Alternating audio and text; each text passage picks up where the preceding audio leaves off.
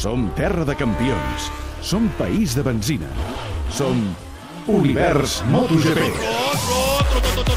Arrenca MotoGP, ara, quan us ho diem nosaltres, els de Catalunya Ràdio. 19 transmissions.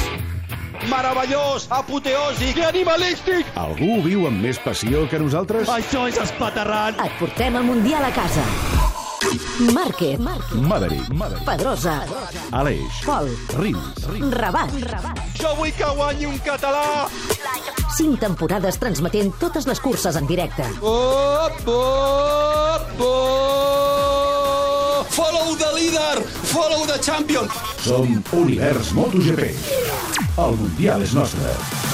Sa, sa, sa, i gas, i gas. Localitzant. Circuit de Spielberg, Àustria. Onzena prova de la temporada.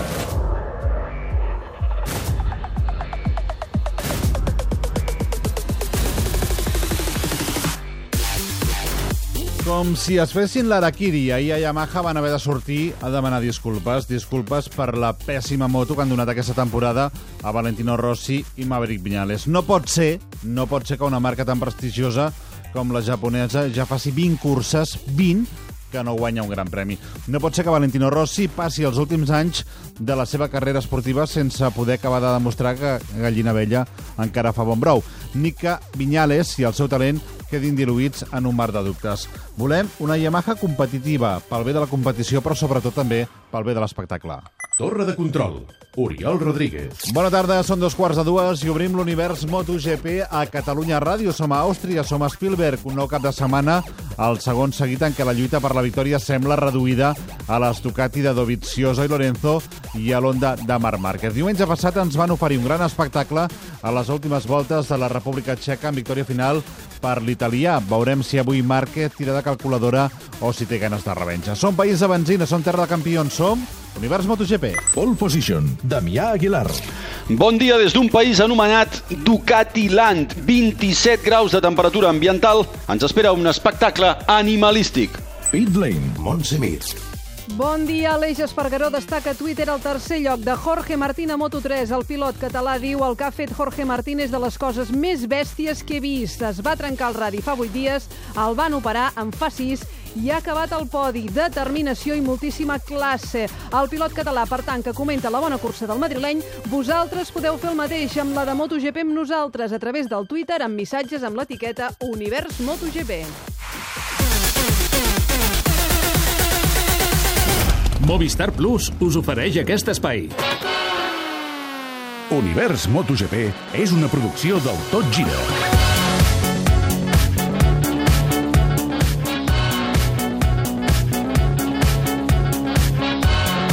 Doncs vinga, ja ens hi posem en aquesta cursa, en aquest Gran Premi d'Àustria. Damià Aguilar, bon dia des del circuit de Spielberg. Bon dia. Ens ha plogut al llarg d'aquests últims dies. Avui com aniran les coses? Plourà o no plourà a Spielberg? Aviam, no hauria de ploure, ara mateix no està lluint especialment el sol, ha estat un, un bon matí, eh, ara mateix tenim això, temperatura de 27 graus, eh, però no és previst que plogui, per tant, sí, potser tenim algun núvol, però les pluges fortes que hem tingut, els, sobretot divendres, doncs no s'han de repetir. Aquests 27 graus, aquesta temperatura pista, que de seguida sabrem quina és, i també veurem si avui els pneumàtics acaben passant a, a primer pla, com va passar al Gran Premi de, de la República Txeca, una cursa lenta, a que fins a les tres o últimes quatre voltes no hi va haver aquella acció en pista entre les Ducati i també l'Honda de, de Marc Márquez. Uh, aquest territori Honda, aquest territori Ducati, com el veiem al circuit de Spielberg, una, un circuit nou, eh, relativament. Sí, aviam, nosaltres, eh, em refereixo a MotoGP, va aterrar aquí a l'any 2016 i des del primer moment es va veure, perquè s'havia fet també un test de preparació abans i ràpidament es va veure que les Ducati, per la configuració de moto que són, perquè tenen moltíssima potència amb acceleració, amb velocitat, doncs eh, eren segurament les motos a batre. Recordeu que el 2016 va guanyar eh, Andrea Iannone, aleshores eh, pilot oficial de Ducati, el 2017 ja va guanyar Andrea Dovizioso l'any passat amb aquest frec a frec final amb Márquez, que és una de les imatges evidentment, de la temporada passada i veurem què passa en aquest 2018. Evidentment, tenim dues Ducati eh, al davant, les dues oficials, precisament, eh, Dovizioso i Jorge Lorenzo, que sembla que ja han començat el seu duel particular, però en aquest cas Marc Márquez, que arriba potser amb les coses més clares aquest any de cara a poder lluitar amb aquestes Ducati fins al final amb garanties de guanyar. Ja veiem aquestes imatges del circuit de Spielberg amb aquestes tribunes molt i molt plenes. A l'estiu, per cert, Damià, eh, hi ha moltes polèmiques al paddock de MotoGP. La setmana passada vam parlar del mal rotllo entre Viñales i Forcada a Yamaha, eh, del mal rotllo entre Lorenzo i Dovizioso també a Ducati. Aquest cap de setmana sembla que la crisi de Yamaha, almenys ho sembla, ha tocat fons. Home, Primer, analitzem les dades. Avui no hi haurà cap Yamaha oficial entre les 10 primeres de la graella. Això no passava des del 2007 i a més a més fa 20 curses que Yamaha no guanya. I Àustria és el pitjor circuit per la marca dels diapasons, això declarat pel mateix Valentino Rossi. Ahir, abans que sortís a fer roda de premsa, Rossi i Viñales els pilots no ho sabien, però els directius de la marca es van avançar i ens van sorprendre posant-nos al davant el cap tècnic, que és Suya San, que demanava perdó públicament així. We have to apologize to riders. Hem de demanar perdó als pilots per aquesta manca de competitivitat en acceleració. Seguirem treballant sense descans per trobar la solució. Et diré que des del punt de vista d'una altra marca, en concret amb Ducati, ahir a la nit parlava amb un dels directius de Ducati oficial i em deia que això que van obligar a fer en el Project Leader de Yamaha és pràcticament una aberració. Valentino Rossi contestava així. Lo ringrazio, ecco. Eh, Agraeixo les excuses, però l'important, més que demanar disculpes, és posar la moto a punt.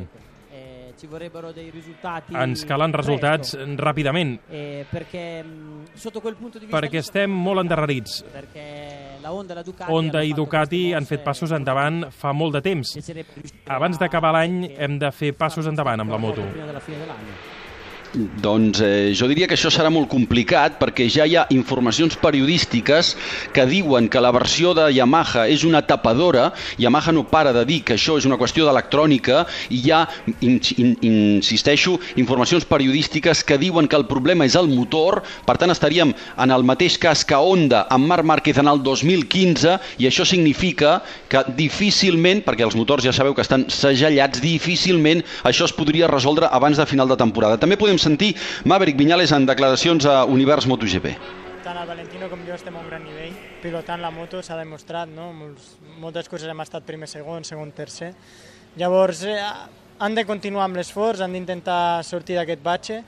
Crec, segurament la, el camí que han pres ara no, no ha sigut l'acertat des de l'any passat, però espero, segurament s'han donat compte i espero que reaccionin. Valentino, el que sí que demanava seria com a mínim un, un pas eh, significatiu abans de final de temporada. Serà frustrant si no aconseguim estar al podi o guanyar eh, en les següents curses, perquè al final és, és per lo que intentem estar aquí. Doncs veurem si surt d'aquest sotrac Yamaha. La crisi sembla gran, però de vegades Rossi també va dient que la diferència no, no és tanta.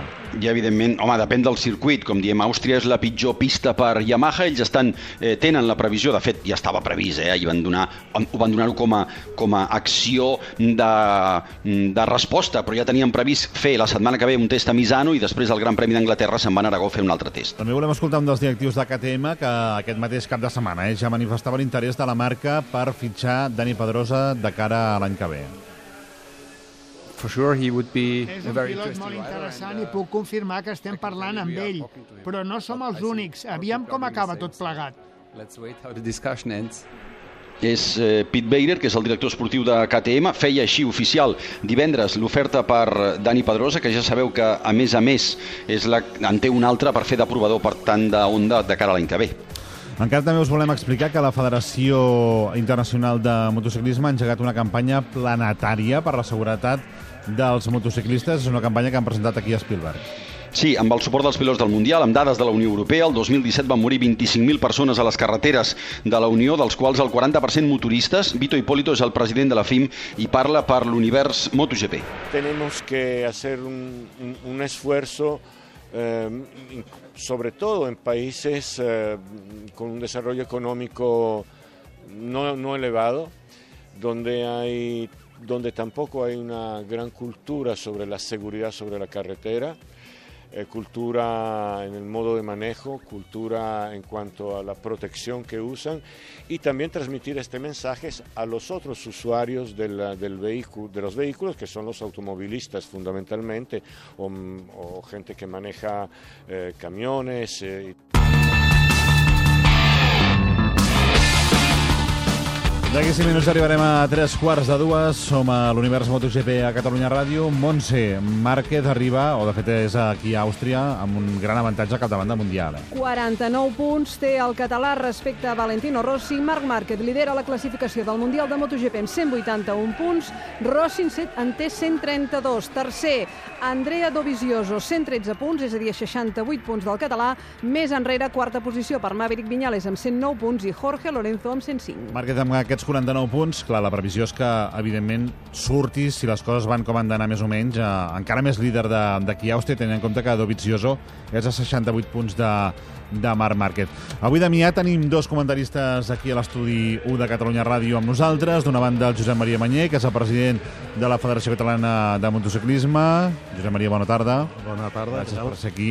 Uh, per cert, el nivell del motociclisme català ja sabem quin és, però què podem dir de les generacions que, que estan arribant? Tenim set homes a MotoGP, però quin futur ens espera als altres? Bon futur, bon futur. Estem treballant perquè això es mantingui és molt dur perquè no, no hem d'obviar que aquest nivell que tenim en aquests moments és per sobre la, de lo normal, no? però estem totes les eh, categories i tot el que estem promocionant des de la federació és amb aquest objectiu. El Josep Maria, quan el Damià parlava, anava fent que sí amb el cap, ens acompanyarà aquí la transmissió de Catalunya Ràdio, també com el Jaume Palau. Jaume, bona tarda. Bona tarda. El Jaume és preparador físic, té una nòmina d'esportistes del motor a, a les seves espatlles, també la Montse Mira el coneix perquè diu que també ha entrenat equips d'hoquei patins diu, com, a, diu, com el Vico eh? el. No és cert. I actualment entrena el Dakarià Nani Roma i al Mundial també ets el preparador físic de, del japonès Takaki Nakagami de la categoria de MotoGP. Ah, com tu fas per entrenar-lo? Ell, evidentment, ha de viure aquí a Catalunya, no? O tu sí. al Japó? Que, que, com ho trobeu, això? Ell, bueno, normalment quan a pretemporada ell viu al Japó, i llavors ens comuniquem per, per mail, per WhatsApp i ens truquem sovint i després ja quan està aquí que comencen les carreres d'Europa doncs ell ve a viure a Sant Cugat i llavors sí que ja entrenem molt més junts, tot i que aquest any ha estat difícil perquè com que ha fet també les 8 hores de Suzuka ha estat molt viatjant, i, però bueno, eh, l'important és que tenim eh, una relació diària i controlem bé els entrenaments. I ell és uh, japonès, japonès, evidentment és japonès, no? però uh, a la disciplina japonesa de l'hora de treballar... Totalment d'acord, és, és disciplinat al màxim, té un protocol molt ben establert i costa que canvi les coses, i així quan se li diuen les coses que creiem que poden anar millor, doncs ell les, les accepta i les adapta, per tant jo estic encantat de la vida de treballar amb ell. Amb el Jaume i amb el Josep Maria comentarem aquesta cursa que li queden res, 17 minuts perquè comenci, ja se n'han disputat dues, a Moto2 i a Moto3, Montse. A Moto2 ha guanyat l'italià Pecco Bagnaia per davant de Miguel Oliveira i Luca Marini, que entra al podi, atenció, per la tercera cursa consecutiva. Àlex Márquez ha caigut a l'última volta. Bagnaia se situa líder del Mundial amb 189 punts, 3 més que Oliveira. Márquez manté el tercer lloc amb 113. I a Moto3, victòria de Marco Bezzecchi per davant d'Enea Bastianini i de Jorge Martín. Quart lloc per Albert Arenas. El Mundial Bezzecchi manté el lideratge amb 158 punts, 12 més que Martín. El tercer és Fabio Di Gian Antonio amb 120 21 punts a 37 del líder. Ara de seguida parlarem d'aquesta bestiesa, d'aquesta ximpleria que ha fet Jorge Martín, que es puja al podi sis dies després de d'haver estat operat de, del radi de, de la mà esquerra, però Damià, també Jaume, Josep Maria, quina llàstima, també la caiguda d'Àlex Márquez, aquest últim revolt a Moto2. Sí, sí, a l'última curva, 50 metres de la meta, malauradament ha sortit, ha entrat llarg i ha sortit de la pista i ha caigut. És una llàstima perquè porta un seguit de, de curses que a l'Àlex eh, li costa, li costa acabar. Per cert, Damià, la, la lesió del Xavi Vierge, com, com l'hem d'actualitzar? Com està tot plegat? Sí, eh, ja sabeu que, que va caure ahir en l'oficial, que es va, ens havien dit primer fractura de la, del canell dret. El que sabem ara mateix, ell va camí de Barcelona, té quatre fractures a la mà quatre. i pot tenir una cinquena que seria escafoides. Encara no està clar. Ahir es va fer un tac aquí, eh, va, se'n va avui a veure directament el doctor Mir i, evidentment, jo crec que eh, hi ha alguna d'aquestes fractures que no caldria operar, però alguna altra sí, per tant, segurament passarà pel quiròfan i, lògicament, dubta pel Gran Premi d'Anglaterra. Com que són uns animals, és capaç d'arribar-hi, perquè encara queden 15 dies, com ha fet, per exemple, Jorge Martín, que avui ha pujat al podi amb, amb Moto3, no? Un- Una ximpleria. Jo recordo que Lorenzo, dos dies després de ser operat d'aquella clavícula, va acabar cinquè, No, em no, sembla. dos dies no. O Dos- 24 hores, 35 no? Sí, 35 hores. hores. 35 Ah, hores, de fet... Va acabar de cinquè, fet, no?, a, a Sí. De fet, Jorge Martín ha dit que Jorge Lorenzo era el seu model en, en, en, en el moment de fer això, cosa que no queda gaire bé perquè diguem que aquest, aquest modus operandi eh, ha estat eliminat del Mundial amb la permissivitat que hi havia abans eh, entre metges i pilots. Josep Maria Jaume, eh, bé, Jaume, tu com a Jaume preparador, millor. això no, no ho deus uh, recomanar, no? Bé, depèn de tot del tipus de, de lesió que sigui. No n'hi ha que permeten una recuperació més ràpida o una posta en acció més ràpida i d'altres que, evidentment, necessiten molt més dies de, de repòs. Eh, La veritat és que el doctor Mir sí que fa unes obres d'art meravelloses i permet això, aquestes recuperacions tan ràpides. Això no vol dir que sigui bo pel cos, perquè això mai és bo pel cos. Sabem que l'esport d'èlit no és salut, tot i que ha de tendir-hi al màxim, i el que es fa amb, amb, amb aquests pilots, realment eh, el món normal no, no, és, no és gens factible ni ens hi podem millar, mi, mirallar. Però bé, eh, els pilots el que volen és, és córrer, tenen moltes ganes de córrer i només miren el moment actual i d'aquí uns anys ja no els importa tant de moment. Sí, sí, en aquests nivells que corren de competició les exigències són màximes i es forcen. Jo també estic d'acord amb en Jaume de que l'important seria recuperar-se bé per evitar possibles, en el futur, possibles danys, no? Doncs aquest heroi Jorge Martín, el Damià Aguilar, amb aquest heroi ja ha pogut parlar al final de la cursa. Bueno, creo que ha sido algo increíble, eh, muy contento de, de cómo ha ido la carrera. Creo que ha sido una pena no poder pelear contra las KTM, que son, son algo extremadamente rápidas y no, no podemos pelear. De todas formas, eh, he afrontado bien el dolor. eh, lo he pasado mal a, a trozos cuando se iba a Betsek y tenía que recuperar, lo pasaba muy mal, pero, pero bueno, ha merecido la pena estar aquí después de, de una semana desde la operación, creo que es algo increíble. Y nada, eh, espero de recuperarme para Silverstone, aunque no esté al 100%, seguramente estaré mejor. Y poco a poco ir recuperando puntos, ahora son 12, podrían haber sido 28 porque Betsek aquí era increíble. Y nada, seguir trabajando para, para llegar más fuertes a las próximas. Y luego, la satisfacción después de bajarte de la moto. Eh, entiendo que también diferente a cualquier otra que hayas tenido antes. Sí, ha sido un poco parecido a lo del año pasado, no podía parar de llorar en la Vuelta de Honor. Eh, iba muy despacio para ver si se me pasaba antes de, de llegar al parque cerrado, pero no he podido. Así que, bueno, es algo increíble, eh, pero eso es lloro de emoción, no de dolor, que es, que es lo importante. Y, y bueno, espero que no pase más por lesiones y que, y que pase a final de año si consigo algo grande. Y un adelantamiento al límite en el último momento para meterte en el podio. Sí, la verdad que no quería perder el podium en la última vuelta, había cambiado el chip, me daba igual todo y era o todo o nada y he entrado demasiado eh, con fuerza y agresivo para, para que no me pudiese adelantar en la recta. Jorge Martín, les paraules del pilot que avui ha acabat a la tercera posició. Passen 3 minuts de 3 quarts de dues, repassem la graella sortida del Gran Premi d'Àustria.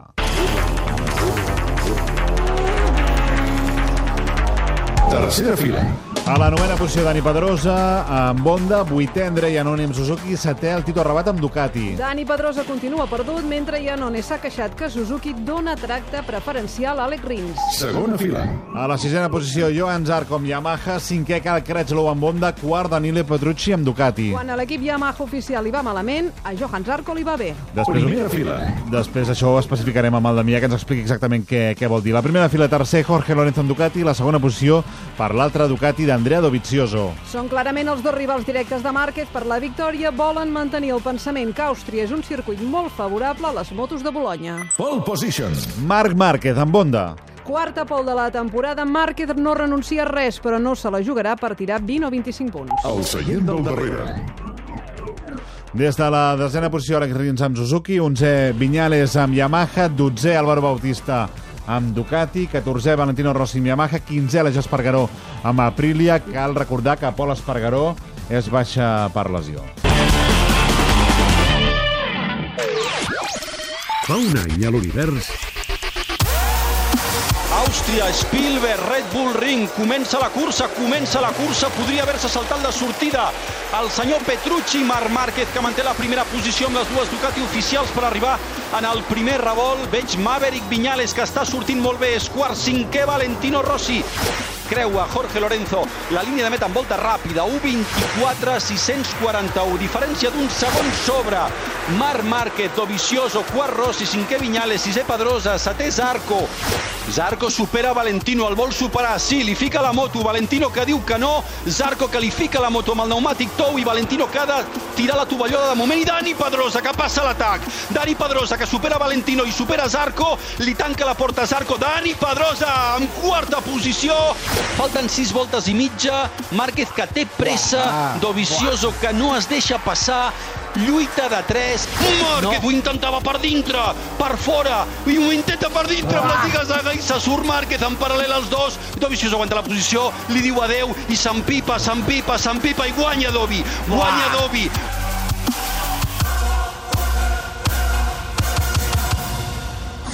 Trending GP.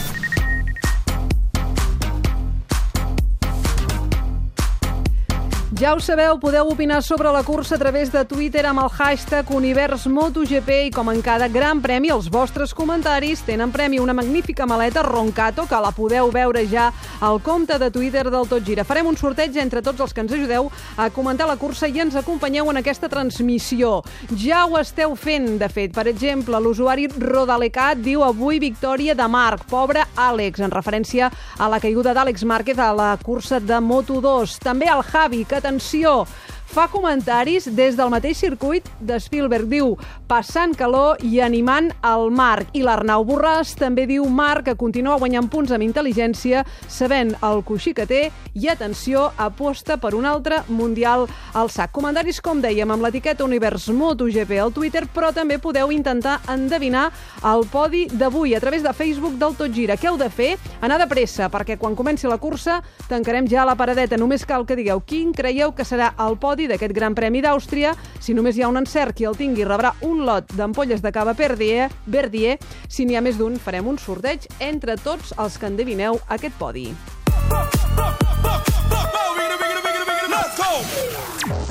Onda Tauler, concessionari oficial Onda a Barcelona, us ofereix aquest espai.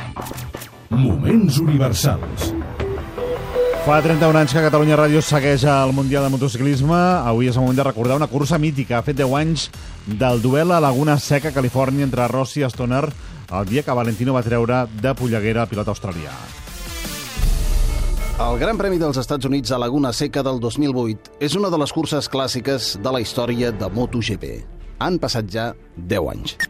Welcome to Laguna Seca then in California, the Pacific coast of the United States.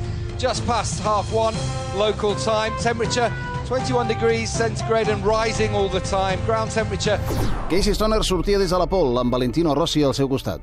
L'australià, campió del món en aquell moment, havia estat rodant en temps de rècord durant tot el cap de setmana. Era el gran favorit, si bé Rossi era el líder provisional del campionat, amb 20 punts més que Lossi. A la primera volta, passant pel famós llevataps, Valentino fa el primer avançament i durant 12 voltes tapa tots els forats.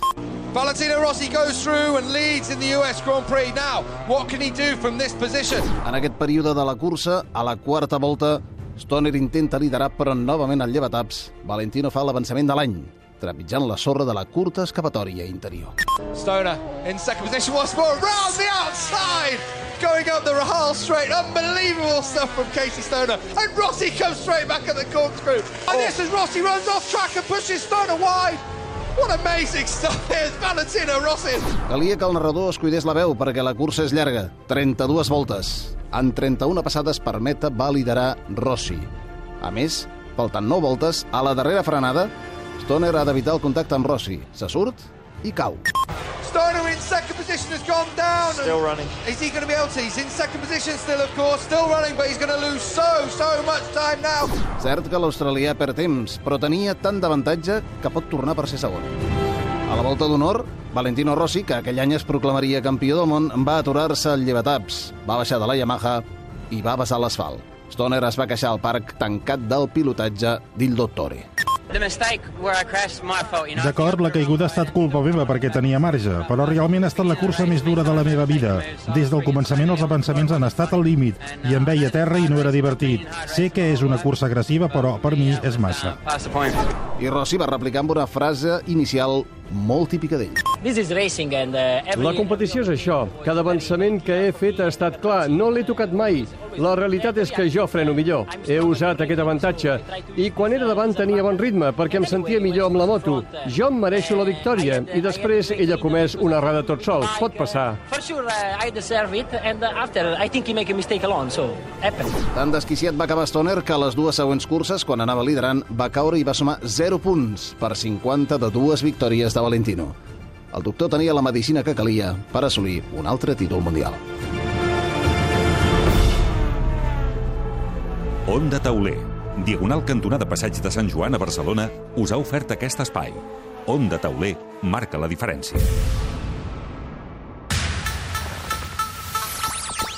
Romauto, concessionari oficial Nissan, us ofereix aquest espai. Damià Vol.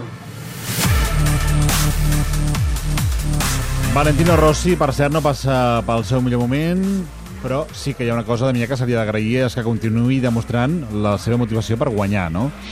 Fa 22 anys, Jorge Martínez Espar va veure com un joveníssim Valentino Rossi el va empènyer a la retirada. Així de clar, avui és Rossi qui podria veure's en aquesta situació, però en canvi, diu Espar que segueix motivat. La moto que té port, porta avui en aquest moment no és la millor, no?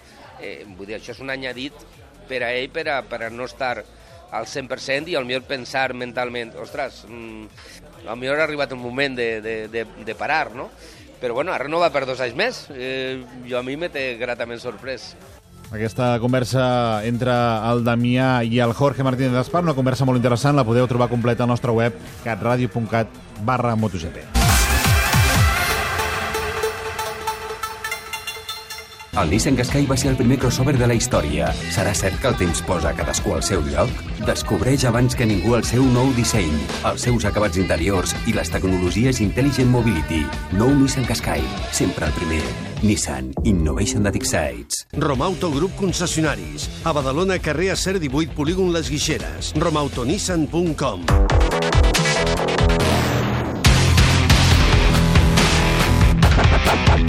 De seguida parlarem d'aquest warm-up que és a punt de començar i d'aquesta configuració de pneumàtics perquè els tres primers, Márquez, Dovizioso i Lorenzo, pneumàtics diferents, de seguida eh, els veurem.